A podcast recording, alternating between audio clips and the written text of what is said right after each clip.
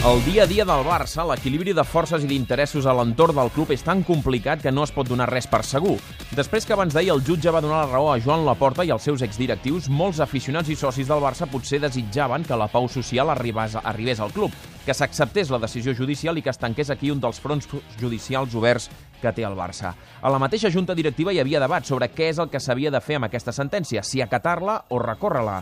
Demà ho decidiran, però, com deien començar, d'interessos, de grups, grupuscles i associacions amb interessos ocults n'hi ha un fotimer a Can Barça. I un d'ells ja s'ha avançat a la Junta. Avui, l'Associació de Defensa del Soci del Barça ha demanat als directius que de perdonar res de res, al contrari, que presentin recursos, els que faci falta, si no volen ser demandats ells per no fer cas del mandat de l'Assemblea. És el perill que té entrar en terrenys pantanosos com aquest.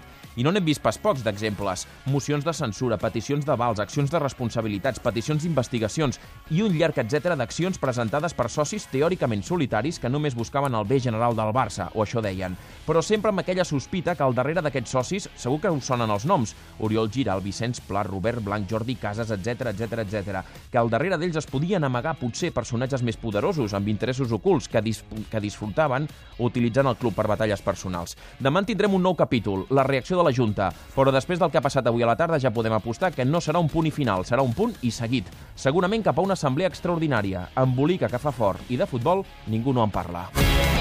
Catalunya Vespre Esports. Amb Òscar Fernández.